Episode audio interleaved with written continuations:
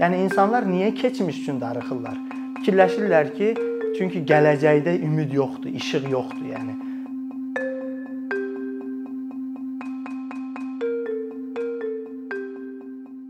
Nostalgiya nədir? Nostalgiya e, qədim Yunancadan nostos, evə qayıtmaq və algia ağrıdan gəlir. Nostos kəlməsini Homer öz Odisseyasında qəhrəmanının İtakiyaya öz evinə qayıtması ilə bağlı e, hadisələrdən danışarkən istifadə eləyir. Amma nostalgiya bir termin olaraq e, qədim Yunanlara tanış olan bir termin deyildi. Bunu ilk dəfə 17-ci əsrin sonlarında Johannes Hofer, İsveçrəli həkim özünün tibb dissertasiyasında istifadə eləyir Və beləliklə nostalgiya ilk olaraq e, ədəbiyyata e, tibbdən, yəni bir xəstəlik adı olaraq daxil olur. Deməli, e, əskərlər hansı ki öz evlərindən uzaqda xidmət edirdilər, onlar evlərinə qayıtmaq istəyirdilər və buna görə depressiyaya düşürdülər evə qayıda bilmədikləri üçün və bu belə bir xəstəlik olaraq nostalgiya tərif edilir ilk dəfə. Amma indiki dövrdəkindən fərqli olaraq o dövrdə nostalgiya müalicə oluna bilən bir xəstəlik idi və hətta o dövrün 16-17-ci əsrin sonlarının tibbinin e, o dövrün nailiyyətlərinə görə zəli və hətta e, tiryək təklif olunurdu xəstəliklə mübarizə aparmaq üçün. Eyni zamanda qısa bir müddətə e, əskərləri evə məzuniyyətə göndərmək. Amma sonrakı dövrdə 19-cu əsrdən etibarən nostalgiya həkimlərin nəzarətindən çıxdı da daha çox filosofların, şairlərin, maraq dairəsinə daxil oldu və bu dövrdən etibarən artıq nostalgiya xəstəlik kimi müalicə olunmaq potensialını da, mümkünlüyünü də itirdi. Artıq indiki dövrdə, indiki müasir nostalgiya nəzəriyyəçiləri nostalgiyadan bir pandemiya olaraq bəhs eləyirlər, amma təəssüf ki, müalicəsi olmayan bir xəstəlikdir nostalgiya. Deməli, belə burdan başlamaq lazımdır yəqin ki, nostalgiyadan danışmağa. Adətən nostalgiyanı bizim Azərbaycan sosial media sferasında da nostalgiya müzakirə eləyəndə adətən bunu yaşlı insanların, Sovet dövründə yaşamış yaşlı insanların Sovet dövrü üçün darıxması kimi tərif edirlər. Amma məsələ ondadır ki, bu belə deyil. Yəni əgər siz bunu daha dərin araşdırmağa başlayanda görürsüz ki, bu tərif, bu açıqlama kifayət deyil. Çünki 17-18 yaşlı gənclərlə danışmağa başlayırsınız ki, onlar Sovet dövründən çox-çox sonralar doğulublar, amma onlarda da Sovet nostalgiyası var. Deməli yaşlı insanların nostalgiyası açıqlanmır. Və yaşlı insanların öz gənclikləri üçün olan nostalgiyası ilə sosial nostalgiya fərqli şeylərdir. Yaş amma bir oxşarlıq var aralarında. Deməli yaşlılar niyə darıxırlar keçmişləri üçün?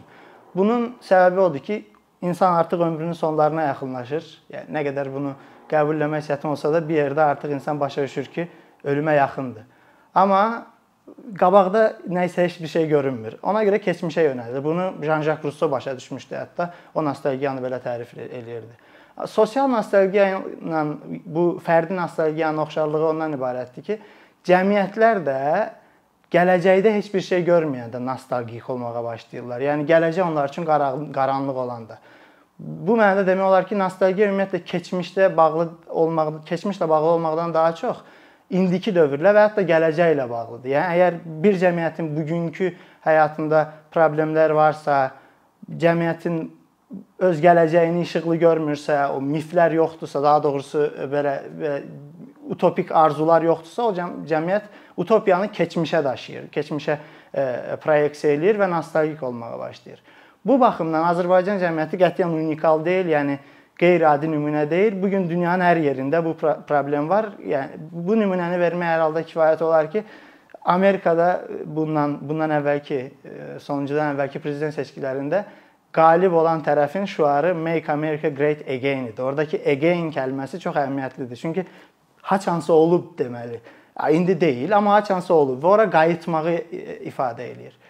Əgər bu o qeyri qeyri unikallığın, qeyri orijinallığın digər bir tərəfi də bir çox e, e, nostalgiyadan bəhs edən ədəbiyyatlarda sıx-sıx e, sitat gətirilən Avropa Birliyi Nazirlər Şurasının keçmiş katibi, baş katibi Javier Solana'nın Avropanın təhlükəli nostalgiyası adlı bir məqaləsi var. Bunu bütün nostalgiyadan bəhs edən araşdırmalar sitat gətirirlər bu yazını. O iki ölkə nümunəsindən, Macarıstan və Polşa nümunəsindən göstərir ki, milli dövlətə qayıtmaq, yəni orada Avropa ölkələrində, Avropa Birliyi ölkələrində e, adətən e, ritorika belədir. Avropa Birliyi olana qədər bizdə hər şey yaxşı idi. Avropa Birliyi gəldi, bizim milli suverenliyimizi əlimizdən aldı. Ona görə işlər pisləşməyə başladı. Brexit buna çox yaxşı nümunədir. Halbuki Solana Polşa və Macarıstan nümunə verir, amma bu sadəcə o ölkələrə, yəni sonradan daxil olmuş ölkələr üçün xas deyil. Hollandiya kimi, İtaliya kimi və Britaniya kimi artıq belə deyək də bu öz nostalgik utopiyasına doğru hərəkət etməyə başlayan ölkələrdə də bu bu, bu müşahidə olunur. Əgər bu bu bundan aydınlaşdıraq ki, yəni nostalgiya e, fərdi bir hadisə deyil, sosial hadisədir və sadəcə Azərbaycana aid deyil, dünyanın hər yerində var. Amma ümumiyyətlə nostalgiyanın özündə tək bir şey deyil. E, tək bir cür nostalgiya deyil. Yəni bütün bütün hər hər kəs eyni cür nostalgik olmur. Yəqin ki e, ona görə də bir neçə nostalgiyadan bəhs olunur elmi ədəbiyyatda. Rusiyalı ədəbiyyat nəzəriyyəçisi Svetlana Boym nostalgiyanın ən məşhur nəzəriyyəçilərindən sayılır, belə deyək. Onun e, Nostalgiyanın gələcəyi adlı kitabında nostalgiyanı belə təsnif edir. Deyir ki, iki cür nostalgiya var. Var e, restorativ nostalgiya və var reflektiv nostalgiya. Restorativ nostalgiya keçmişi, darıxılan keçmişi, arzulanan keçmişi yenidən inşa etməklə bağlıdır. Reflektiv nostalgiya belə deyək ki, darıxmaqla bağlıdır keçmiş üçün.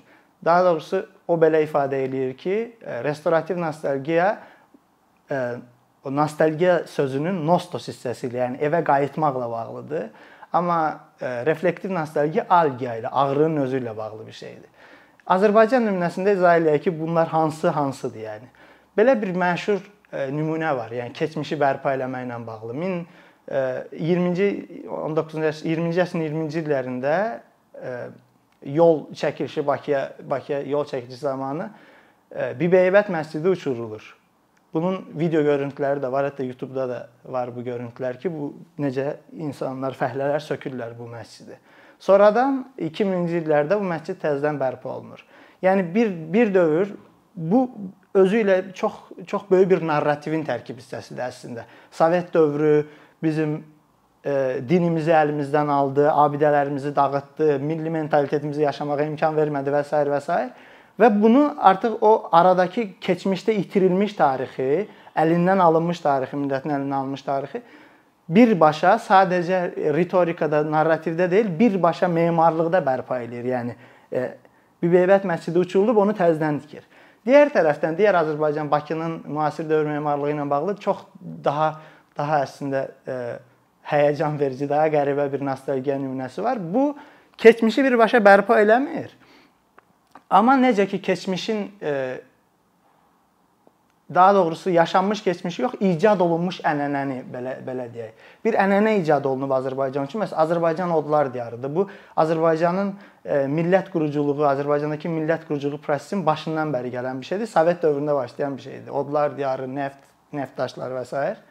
Bu e, Azərbaycan memarlığında, Bakının memarlığında, müasir dövr memarlığında bu özünün necə ətə qana bürünmüş bir şəklini alov qüllələrinə gətirib çıxarır. Yəni Bakının mərkəzində artıq daha əvvəlki kimi Bakının rəmzi artıq Qız qalası deyil. Yəni ki, 2 dənə rəmzi var müasir dövrdə Heydər Əliyev mərkəzi və alov qüllələri və bu bu keçmişi birbaşa yenidən yaratmağın, yəni restorativ nostalgiyanın ən yaxşı nümunəsidir Bakıda verilə biləcək. Və bu restorativ e, restorativ nostalgiyanın əhəmiyyətli bir e, e, çaları ondan ibarətdir ki, bu mütləq hər zaman millət quruculuğu prosesi ilə bağlıdır və dinin geri gəlməsi ilə, ya millətçiliyin geri gəlməsi dünyanın hər yerində restorativ nostalgiya özünü mütləq səncəsə göstərir. Buna bütün nümunələrdə baxa bilərsiniz. Məsələn, yenə oxşar bir nümunə Rusiyada da Azərbaycan məscidinin eyni ilə oxşar bir nümunə var. Orada yenə bolşeviklər Xilaskar Məsih kafedralını dağıdırlar. Sonradan Yuri Lyushkov Moskvanın meri o onu eyni ilə olduğu kimi bərpa eləyir. Yəni bu dünyanın hər yerində yenə oxşar nümunələr tapa bilərsiniz. Amma reflektiv nostalgiya nə edir? Reflektiv nostalgiya tutaq ki, hansısa bir musiqiyə e, onun üzərinə fokuslanır. Hansısa bir, yəni daha çox xırdalıqlara fokuslanır. Çünki onun gücü yoxdur yəni. Reflektiv nostalgiya daha çox aşağıların nostalgiyasıdır. Amma eyni zamanda reflektiv nostalgiya çox mürtəcə də ola bilər. Bir bir neçə birazdan ora gələcəyik bu mürtəcəlik tərəfinə. Ancaq restorativ nəsəlgədən əsas fərqi odur ki, onun ümumiyyətlə keçmişi bərpa eləməklə bağlı bir planı yoxdur. O sadəcə olaraq keçmişi xatırlamaqla bağlıdır. ümumiyyətlə nostalgiya ilə bağlı belə bir şey var. Yəni adətən belə bir baxış var ki, tutaq ki, məsələn, solçularda, sosial ədalət ideyalarında mübarizə aparan insanlarda Azərbaycanda Sovet nostalgiyasının olmağı biraz e, bəziləri fikirləşirlər ki, bu yaxşı bir şeydir. Amma ümumiyyətlə nostalgiya ilə bağlı belə bir şey var ki, e, Javier Solana'nın da dediyi kimi nostalgiya təhlükəlidir. Bunu təhlükəsi nədən ibarətdir nostalgiyanın? Belə düşünmək olmaz ki, əgər tutaq ki, Sovet dövrünə nostalgiya varsa, o deməkdir ki, insanlar sosial ədalət e, üçün darıxırlar. Bu Avropada da belədir. Məsəl üçün Avropada insanlar niyə darıxırlar? Tutaq ki, e, milli dövlətdən, milli dövlətlərin güclü olduğu vaxt üçün əslində bu milli dövlət üçün yox, belə əslində dərinliyinə gedəndə. Bu neoliberal siyasətdən, siyasətin başlandığı dövrdən əvvəlki dövr üçün olan nostalgiyadır. Amma yenə də bu nostalgiya həmişə, demək olar ki, həmişə mürtəcə bir şəkildə özünü ifadə eləyir. Yəni əgər insanlar fikirləşirlər ki, Avropa Birliyi gəlməmişdən əvvəl, Avropa Birliyi olmamışdan əvvəl ölkədə e, ölkələrdə, Avropa ölkələrində sosial dövlət güclü idi, rifah dövləti var idi. Amma bu özünü elə ifadə eləyir ki, Avropa Birliyi pisdir. Daha doğrusu ya da belə ifadə eləyir ki, özünü e, e, qaçqınlar gəlməmişdən əvvəl, e, yaxın şərqdən qaçqınlar gəlməmişdən əvvəl, miqrantlar gəlməmişdən əvvəl yaxşı idi. Azərbaycanda da bu belədir. Məsələn, siz baxsaz, soruşsaz ki, gedib danışanda ki, insanlarla siz Sovet dövrünün nəyi üçün darıxırsınız, sizə verəcəkləri cavab, cavablar ancaq 3-cü, 4-cü, 5-ci sırada sosial ədalətlə bağlıdır və bu ilk ilk başda verdikləri cavablar belə olar ki, məsəl üçün məsələn Sovet dövründə qızlar belə geyinmirdilər məsələn. Nə bilim, qızlar siqaret çəkmirdilər Sovet dövründə. Yəni bu daha çox adətən, yəni mürtəci şəkildə özünü ifadə edir. Bu da demək olar ki, bütün ölkələrdə siz məsələn Türkiyə nümunəsində Türkiyədə AKP bir nostalgiya partiyasıdır. Yəni Cümhuriyyətdən əvvəlki imperiya dövrünə nostalgiya partiyasıdır. Ya da Məsələn, Brexit bir nostalgiya nümunəsidir. Ya da Trump özü bir nostalgiya fenomenidir bir növ. Azərbaycanda da nostalgiyanın, yəni belə nəzərdə tutun, belə bunu həmişə e, ağlımızda saxlamalıyıq ki, nostalgiya mürtəci qüvvələrin əlinə oynayan bir şeydir. Mühafizəkardır. Ən yaxşı halda mühafizəkardır və daha çox hallarda mürtəcidir. Yəni geri qayıtmaq istəyir. Geri qayıtmaq da heç də geridəki, keçmişdəki yaxşı şeylərə qayıtmaq deyil. Və bu bundan o nəticə çıxmamalıdır ki, yəni nostalgiyanı ləğv eləmək lazımdır. Yəni nostalgiyana nostalgiyaya qarşı necə mübarizə aparmaq lazımdır? Bu mümkün deyil. Yəni nostalgiya həmişə olub da. Yəni əgər belə baxsaq ki, mifologiyaların tarixinə baxsaq, ya da dinlərin tarixinə baxsaq, ta yəni cənnətdən qovulma düşüş mifinin özü bir nostalgiya e, hekayəsidir. Yəni cənnət var idi, biz qovulduq oradan və qayıda bilmirik. Bu özü bir, yəni həmişə olub nostalgiya. Amma bizim bildiyimiz mənada sosial nostalgiya yenə də bir modern fenomendir. Bundan baxmayaraq, nostalgiyaya qarşı mübarizə aparmağı adətən Azərbaycanda indi sosial media müzakirələrindən göründüyü kimi, yəni biraz necə deyim, bu e, dedik ki, axı 17-ci əsrdə bir xəstəlik idi nostalgiya. Bu gün Azərbaycanda nostalgiya üzərinə olan müzakirələrdə nostalgiya yenə bir xəstəlik olaraq ələ alınır. Məsələn belə deyirlər də, siz Sovet dövrü üçün darıxırsınız, amma əslində elə deyildi. Çörək növbəsi vardı, dükanlarda növbə vardı, nə bilim, heç nə çatışmırdı və s. Bu bu bir nostalgiyaya qarşı mübarizənin bir üsulu deyil. Çünki bu nostalgiyanı bir xəstəlik olaraq ələ alır. Üstəlik də bu xəstəliyin müalicəsi xəstəni danlamaqdır sanki. Yəni əgər bir nostalgiya, nostalgik olan bir insana deyirsiniz ki, sən düz demirsən, düz fikirləşmirsən. Amma bu heç onun düz fikirləşib fikirləşməyib, fikirləşməməsi vacib deyil. Çünki yenə əgər e, başdakı dediklərimizə qayıdacaq olsaq, nostalgiya e, dünənlə bağlı deyil, yəni keçmişlə bağlı deyil, bu günlə bağlıdır və hətta gələcəklə bağlıdır. Yəni nə deməkdir nostalgiyanın keçmişdən daha çox bu günlə bağlı olması? Bunu yəni Azərbaycanda təəssüf ki, buna bunun üçün yaxşı e, araşdırmalar, sosioloji araşdırmalar yoxdur. Amma Avropadan ya da Qərb ölkələrində araşdırmalar var. Məsələn, e, bir bir neçə Qərb ölkəsində, eyni zamanda Avstraliyada daxildir bura, aparılmış tədqiqat var ki, insanlar e, necə fikirləşirlər? Onların övladları onlardan yaxşı yaşayacaqlar, yoxsa pis yaşayacaqlar? Məsələn, Avstraliyada insanların 53% fikirləşir ki, övladları onlardan pis yaşayacaqlar. Amma məsələn Fransa kimi bir ölkədə bu faiz 90%dir. 90% fransız övladlarının onlardan pis yaşayacağını fikirləşir. Yəni insanlar niyə keçmiş üçün darıxırlar? Fikirləşirlər ki, çünki gələcəkdə ümid yoxdur, işıq yoxdur, yəni. Svetlana Boyemyana qayıdacaq olsaq, Svetlana Boyemyanın qəşəng bir ifadəsi var. Deyir ki, 20-ci əsr futuristik utopiyalarla başladı, nostalgiya ilə bitdi. 20-ci əsr başlayanda gələcəklə bağlı çox böyük ümidlər vardı. Kommunizm olacaq, e, hətta nə bilim, pul ləğv olunacaq, siniflər olmayacaq.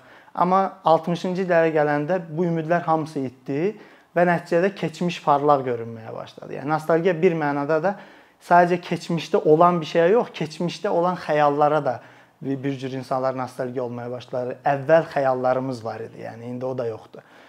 Bir, yəni bu da nostalgiyanın tərəflərindən biridir. Amma yəni Azərbaycanda da yenə eyni şeyi məsələn mən öz ə, ə, magistratura araşdırmamda insanlarla danışarkən, məsələn gənc nəsildə daha Sovet dövründə yaşamış insanlarda. Onlardan Sovet dövrü ilə bağlı soruşanda çox maraqlı bir neçə insanın təkrarladığı bir şey var idi. Məsələn, gənclər deyirdilər ki, soruşanda ki, niyə Sovet dövrü indikindən yaxşı idi? Deyir ki, atam mənim yaşımda olanda evi var idi. Amma mənim evim yoxdur və ümid eləmirəm ki, açansa evim olacaq Bakıda. Yəni bir növ ümidlərin də artıq, yəni sadəcə keçmişdə insanların ümidli olması üçün də darıxmalı var. Ona görə yəni bu gün insanları danlamaq ya da onlara sübut eləməyə çalışmaq ki, ya yox səhv fikirləşirsiniz, o dövr yaxşı deyildi. Bu heç bir şey ifadə eləmir. Digər bəlkə də bir xırda bir əlavə eləmək lazımdır. Azərbaycandakı insanların ə, e, adətən məsələn ə, e, Cümhuriyyət dövrü dövrü ilə bağlı yaxşı fikirdə olanlar, yəni bu bu siyasi baxışları müdafiə edənlər Sovet nostalgiyasına qarşıdırlar, amma unudurlar ki, e, Cümhuriyyət AXC anlayışın özü də bir nostalgiyadır. Yəni AXC də əslində həqiqətdə necə olmasının bu gün biz AXC haqqında nə fikirləşməyimizə heç bir aidiyyatı yoxdur. Yəni biz AXC haqqında fikirləşirik ki, yəni bütün azadlıqlar vardı, qadınlara seçki hüququ, nə halbuki AXC dövründə məsəl üçün heç vaxt seçki keçirilməyib. Yəni o da bir nostalgiya hadisəsidir, bir bir nostalgiya fenomenidir. Yəni qısacası insanları danlamağa ehtiyac yoxdur. Hər kəsin öz nostalgiyası var. Əkinçinin yeni videoları haqqında məlumatlı olmaq üçün kanalımıza abunə olmağı və xəbərdarlıq funksiyasını aktivləşdirməyi unutmayın. Bununla bərabər gördüyümüz işlərin davamlı olmasını istəyirsinizsə, bizim patronların sırasına qoşulmağınızı rica edirik. Əkinçinin Patreon icmasının üzvü olaraq siz bizim təşəbbüsə dəstək göstərməklə bərabər hazırladığımız materialları hər kəsdən öncə izləmə imkanı əldə edəcəksiniz. İmkandan istifadə edərək cari patronlarımıza işlərimizi davam etməyə yardım olduqları üçün dərin təşəkkürümüzü bildiririk.